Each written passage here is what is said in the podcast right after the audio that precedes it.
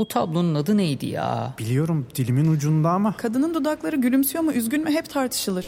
Sadece tablonun adı değil, etrafındaki çerçeve, bulunduğu müze, hakkında çıkan haberler, eserin sahibi ve daha birçok bilgi Samsung Galaxy S24 serisi ve Circle to Search ile dilinin ucunda değil, parmağının ucunda. Galaxy AI ile gelecek işte bu kadar kolay.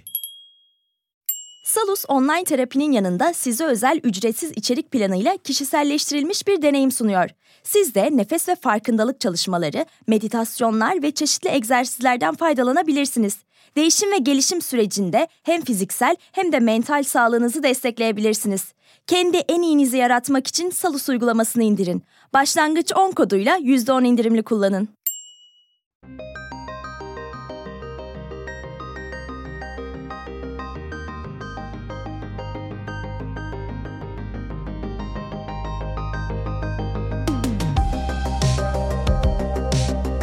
Daha yeni başlıyordan herkese merhaba. Ben Ceren. Ben de Faruk. Ceren ben sana bir takım sorular sorarak başlamak istiyorum. Tamam. Bana hemen cevap vereceksin. Tamam. Tamam mı? Tamam.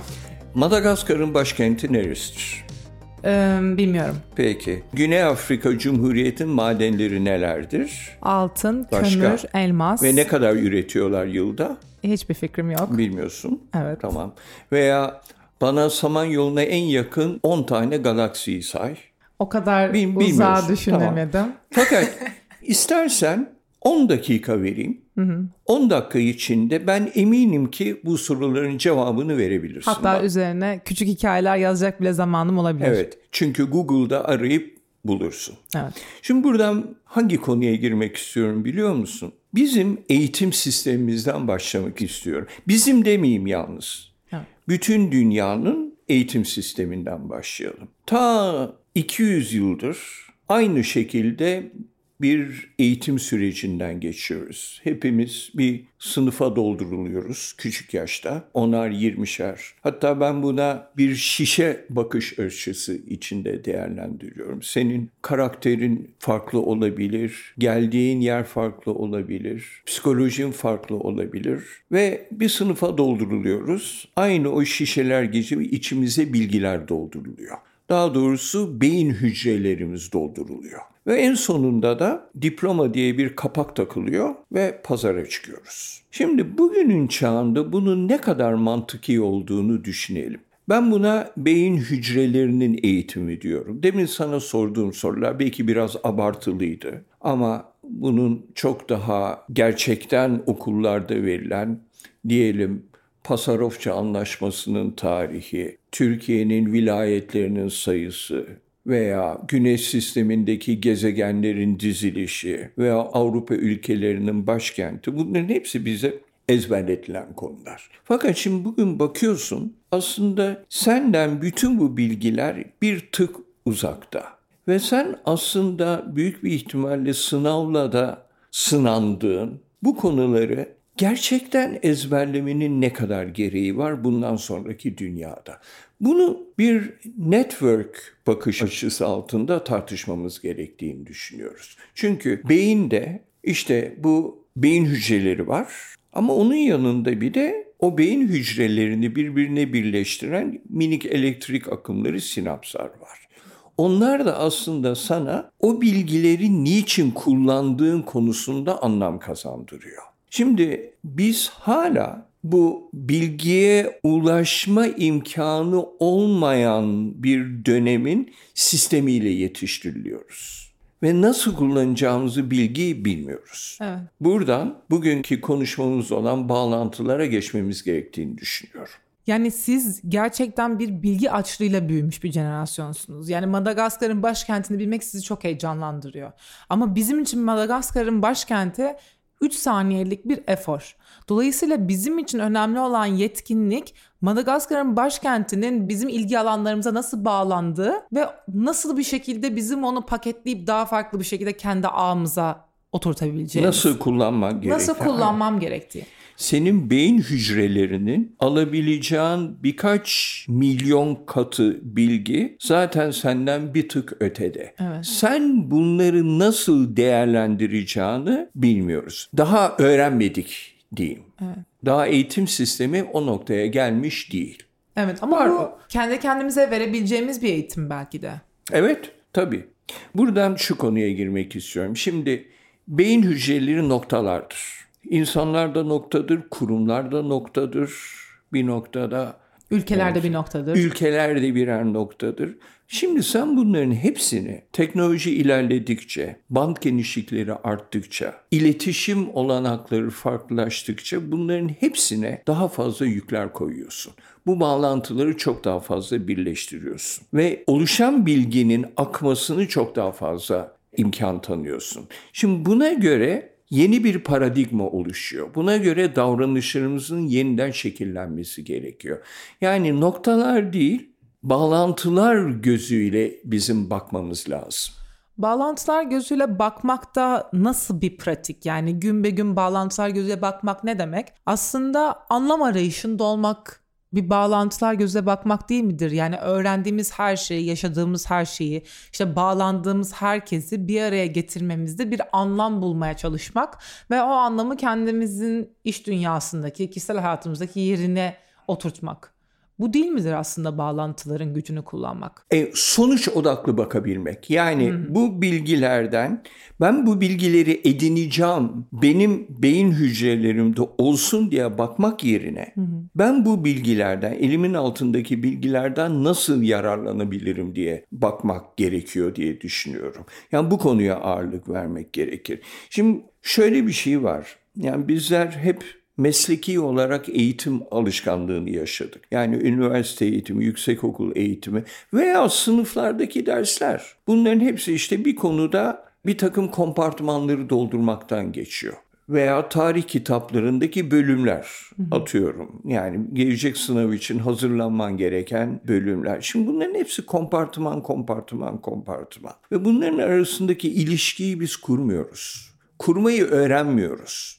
Diyelim sen sosyologsun. Belki aynı zamanda da iyi gitar çalabiliyorsun. Bakalım bunların arasındaki bağlantıyı nasıl kuruyoruz? Şimdi şu örneği vermek istiyorum. Sen herhangi bir meslek dalında diyelim makine mühendisi olarak yetişiyorsun. Bunu aslında geçen bölümde konuşuyorduk ama biraz daha açmamız lazım galiba burada. Diyelim makine mühendisi olarak yetişiyorsun ama bunun yanında sosyolojiye merakın var.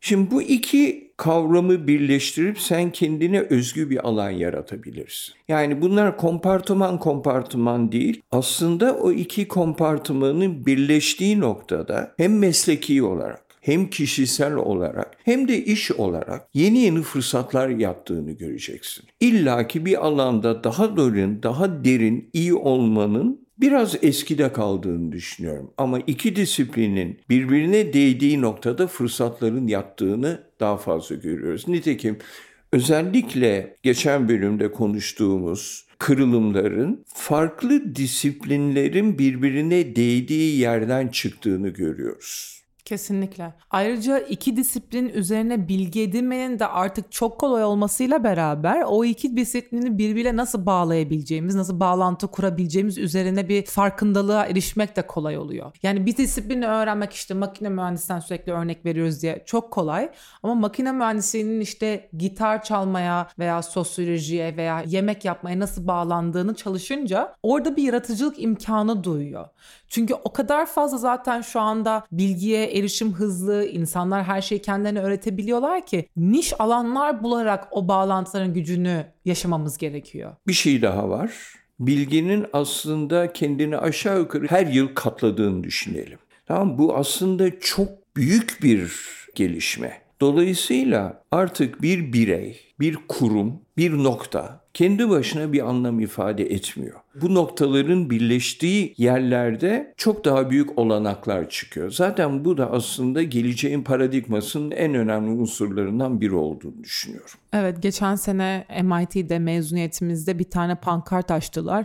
Pankartta kimsenin tek başına yeterince akıllı olmadığını bilecek kadar akıllı yazıyordu çok doğruydu mesela. Evet. Yani sen tek başına çalışabilirsin ama tek başına çalışarak elde ettiğin sonuç hiçbir zaman için bağlantılarını kullanarak elde ettiğin sonuçtan daha iyi olmayacak. Bu bakış açısının farklılığı gelecek için çok daha fazla anlamlı. Bak ben üç konuya çok dikkatli bakmamız gerektiğini düşünüyorum. Doğru bakış açısı, doğru yetkinliklerin geliştirilmesi ve doğru gereçlerin kullanılması. Bunlar bizim dönemimizde sizin döneminiz arasında çok farklı. Bunu bir bağlantılar bakış açısı içinde gözden geçirmek gerektiğini düşünüyorum. Peki son olarak birazcık da insani boyutu üzerine konuşalım. Sonuçta biz günlük hayatta ama aynı zamanda dijital hayatta sürekli bir bağlantı kuruyoruz. Yani sokakta geçen insanla da bir bağlantı kuruyoruz çoğu zaman. İşte dijital dünyada bir yorum paylaştığımız insanla da bir bağlantı kuruyoruz. Bu bağlantıların gücü nasıl biz kullanabiliriz? Yani aslında sürekli öğretilmeye çalışılan bu networking becerisi sence evet. özünde nedir? Buradan aslında şu noktaya geçebiliriz. A bakış açısıyla hiyerarşik bakış açılarına. Şimdi şirketlerdeki bakış açısı genelde organizasyonel bakış açısıdır. En yukarıdaki en yetkilidir. En aşağı doğru indikçe işte yetkisizleşir. Daha çok emir kuluna dönüşür diyelim. Halbuki A bakış açısı içinde burada çok daha egaliter, çok daha eşitlikçi bir bakış açısı var herkesin çok daha benzer haklara sahip olduğu, benzer ilişkilere sahip olduğu, daha doğrusu daha eşitlikçi bir bakış açısı içinde değerlendiriyor ağlar. Bu özellikle ağ yapılaşmaları içinde çok büyük farklılıklar getiriyor. Sence gelecek nasıl olacak? Gördüğün her şey hakkında anında bilgi sahibi mi olacaksın? Gecenin karanlığında çok uzaklarda bir baykuşun kanat çırpışını hemen önündeymiş gibi mi göreceksin? Ya da duydukların senin için dönüp bakabileceğin notlara mı dönüşecek? Şimdi cebinden Samsung Galaxy S24 Ultra'yı çıkar. Bunların hepsi işte bu kadar kolay. Çünkü Galaxy AI ile yapay zeka çağı başladı. Galaxy S24 Ultra ile gelecek seni bekliyor. Salus uygulamasında klinik psikologların yanında online görüşme yapabileceğiniz farklı uzmanlar da var çocuk gelişim uzmanı, diyetisyen veya fizyoterapist. Bu sayede değişen ihtiyaçlarınıza uygun beslenme, egzersiz ve sağlıklı yaşam rutinleri oluşturabilirsiniz. Salus uygulamasını indirin ve başlangıç 10 koduyla %10 indirimden yararlanın. Detaylar açıklamalarda ve salusmental.com'da. O yüzden aslında karşımıza çıkan herkes yeni bağlantı bize yeni bir şey katabilir. Kurum bakış açısında bu yok ama ağ bakış açısında bu var. Yani sadece senin hiyerarşilerde yükselmeni sağlayabilecek bağlantılar önemli değil. Senin o ağlarda kendine daha niş bir alan belirleyebilmeni sağlayabilecek her bağlantı önemli. Mesela şöyle bir örnek vermek çok güzel olabilir bizim 2022 döneminde galiba başlangıç noktası akademide Ahmet diye bir e, etkili genç liderimiz vardı. Çok parlak bir insandı gerçekten. Türkiye'de internetin çekim kuvvetinin çok düşük olduğu bir köyden bizim akademiye başvurdu. Akademide çok başarılı oldu. Çok iyi değerlendirdi akademinin network'ünü, akademinin potansiyelini ve daha sonra akademide öğrendiği şeyleri döndü. Tabii burada çalışmalarına devam ediyor teknoloji sektöründe ama döndü kendi doğduğu yerde anlatmaya başladı. Yani orada aslında Ahmet öyle bir yerden gelmiş olmanın bakış açısıyla bu materyali görüp onu oraya götürmenin potansiyelini gördü. Yani birleştirdiği bağlantıların kuvvetini kullanarak kendine bir niş belirledi. Dokunmanın gücü diyelim. Dokunmanın gücü ve bağlantıları görmenin gücü. Yani burada çok büyük bir öğreti var bence. O da her bizim işimize yarayacağını düşünmediğimiz an, anı, insan, durum aslında bizim işimize yarıyor. Biz bunu aslında e, daha önceki bölümlerde konuşmuştuk. Evet. Zayıf bağlantılarla güçlü bağlantılar. Güçlü bağlantılar aslında işte bu hiyerarşik bağlantılar. Az üst düzeyi içinde olan bağlantılar veya aile bağlantıları. Bunlar senin zorunlu, önceden belirlenmiş olan bağlantıları. Bunun bir de zayıf bağlantılar ayağı var. Yani senin tesadüfen karşılaştığın veyahut farklı ortamlarda bir kaderin cilvesi sonunda bir araya getiren bağlantılar. Aslında fırsatların özellikle orada yattığını da görüyorsun. Yani iki kişinin yolda çarpışmasından doğacak bir ilişkinin veya bir köşede bir sempozyumda, bir kahve molasında tanıdığın ve kartvizini alıp verdiğin insanlarla olacak fırsatların önemini aslında orada görebiliyorsun. Covid zamanında çok tartışılan bir konu oldu. Çünkü Covid seni evde oturmak zorunda bıraktığı halde toplantılara katılmana rağmen işlerin devam etmesine rağmen zayıf bağlantılara çok büyük bir sekte vurdu. Evet ve Gronovater diyor ki zaten zayıf bağlantılarla iş buluyorsun, eş buluyorsun. Güçlü bağlantılarla değil. Bu konu üzerine yapılan araştırmaya zaten daha önce değinmiştik. Yani aslında şey çok enteresan değil mi? Yani bu kadar teknolojiyle ilgili bir konu, bu kadar teknik bir konu ama içinde çok enteresan bir romantizm var. Bundan sonra bir konuya daha girmemiz gerektiğini düşünüyorum. Küreselleşme. Şimdi küreselleşme bugün aslında çok e, özellikle ekonomik ve politik dünyada gündemi tutan konulardan bir tanesi. Herkesin bas bas bağırdığı bir şey var. Küreselleşme bitiyor diye. İşte ne bileyim ben bu e, bir takım savaş olasılıkları veyahut ülkelerin ticari olarak birbirine bloke etmeleri bunların hepsi insanların içinde bir takım şüpheler uyandırıyor. Acaba küreselleşme bitiyor mu diye. Ben bunu katiyen kabul etmiyorum. Çok hiç doğru bir şey değil. Evet, biten bir küreselleşme var. Bizim yine geçmişten taşıdığımız, alıştığımız bir küreselleşme unsuru var. Onun biraz azaldığını düşünebiliriz. Aslında bu küresel bağlantılarda biz beş tane unsurdan bahsediyoruz. Ben bunu küreselleşmenin beş atlısı olarak nitelendiriyorum. İnsan akışı, mal ve hizmet akışı, sermaye akışı, finans akışı ve data akışı. Şimdi bir tek sermaye akışında bir takım azalmalar görüyorsun. İnsan akışında katiyen azalma yok. Yani işte bu göçmen akışları bir taraftan oluyor ki bunlar gittikçe artıyor. Onun yerine bir de gelişmekte olan ülkelerden gelişmiş ülkeleri olan entelektüel e, insan akışı var mal ve hizmet akışı işte görüyoruz yani e, şu anda azalan bir şey yok orada. Şu anda da artmaya devam ediyor. Sermaye akışında nispeten belki bir azalma var. Finans akışı kesinlikle devam ediyor fakat en önemlisi data akışı sınırsız bir şekilde artıyor. Ve şimdi burada belki alışılagelmiş neoliberal küreselleşmede bir azalma olabilir. Hatta belki bitiyor da olabilir, olabilir ama küreselleşmenin kendisinin bittiğini kabul etmek çok zor. Küreselleşmeyi biz bu şekilde tanımlamamız gerekiyor. Çünkü alıştığımız neoliberal küreselleşme değil, asıl gerçek küreselleşmenin kendisi. Zaten tarihin başından beri yandaki köye incik boncuk satmaya gitmekten itibaren devamlı bu networklerin yayılması işi devam etti.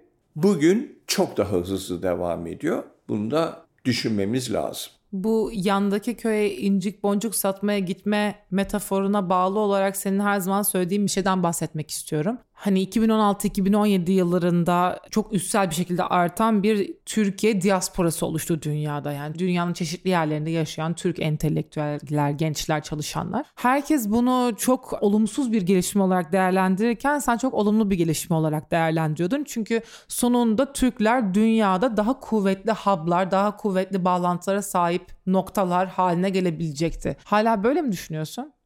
Olumlu demek biraz zor. Yani bugünkü yapının içinde, bugünkü koyduğumuz alışkanlıklar içinde bunu beyin göçü olarak algılayabiliriz. Fakat buna uygun bir sistemi geliştirdiğimiz takdirde bu beyin gücüdür. Yani Türkiye'nin önemli bir entelektüel beyin gücünü biz ihraç ettik başka ülkelere gönderdik, başka üniversitelere gönderdik. Ama burada önemli de bir fırsat yarattığını düşünüyorum. Onların verimli ortamlarıyla burada sonuca yönelik projeler geliştirmenin altyapısını sağlama imkanına sahip olduğumuzu düşünüyoruz. Nitekim ki biz böyle bir proje üzerinde çalışmaya devam ediyoruz. Evet. Bu yalnız tabii akademik düzeyde değil, birçok uzmanımız var yurt dışında birçok yöneticimiz var. Bunları bir bağlantı ağ içinde değerlendirme imkanını bulabildiğimiz takdirde çok büyük fırsatlar yatabileceğini düşünüyorum.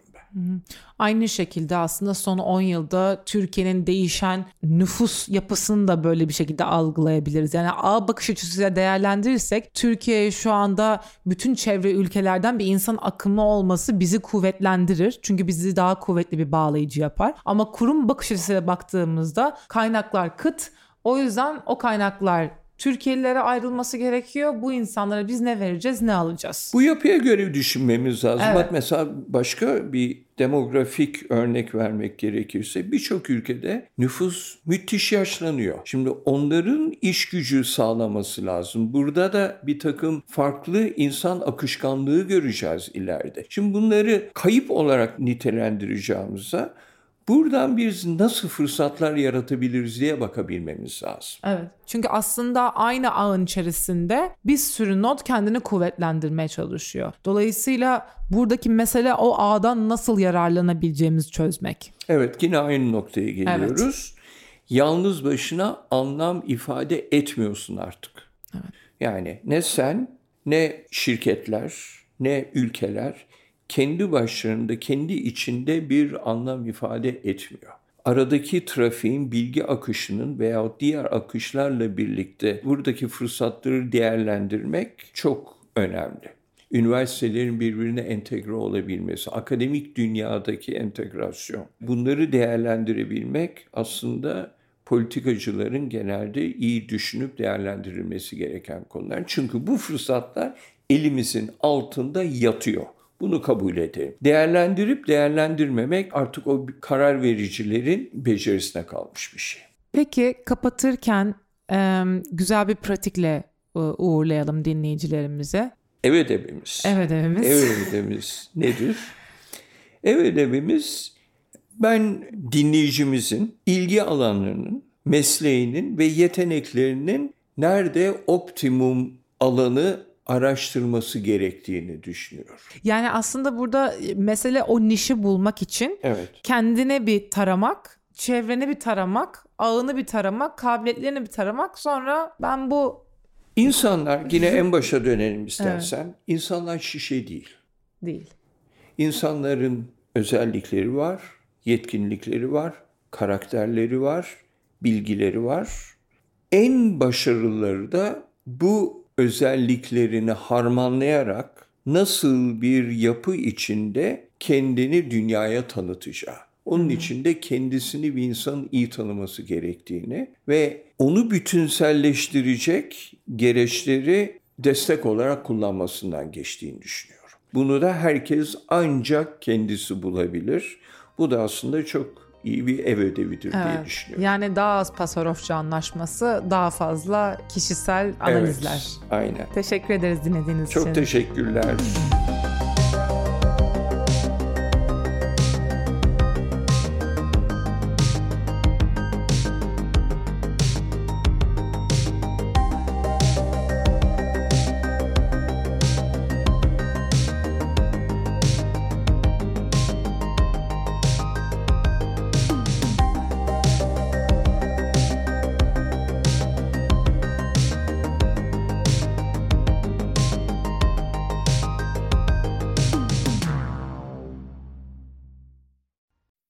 Boğa ve Venüs arasında 120 derece üçgen açılarla desteklenecek. Yeni ay ve devam eden süreçlerde tutumlarımız önem kazanacak. Özetle pozitif olun. Notlarını istediğin gibi özetleyen not asistanı Samsung Galaxy S24 serisinde. Galaxy AI ile gelecek işte bu kadar kolay. Salus yetkin psikologları ile terapiyi her yerden ulaşılabilir kılmaya devam ediyor. Yaşam tarzı değişiklikleri, adaptasyon sorunları, yalnızlıkla başa çıkma gibi konularda online terapi desteği için Salus uygulamasını indirin. Başlangıç 10 koduyla %10 indirimli kullanın.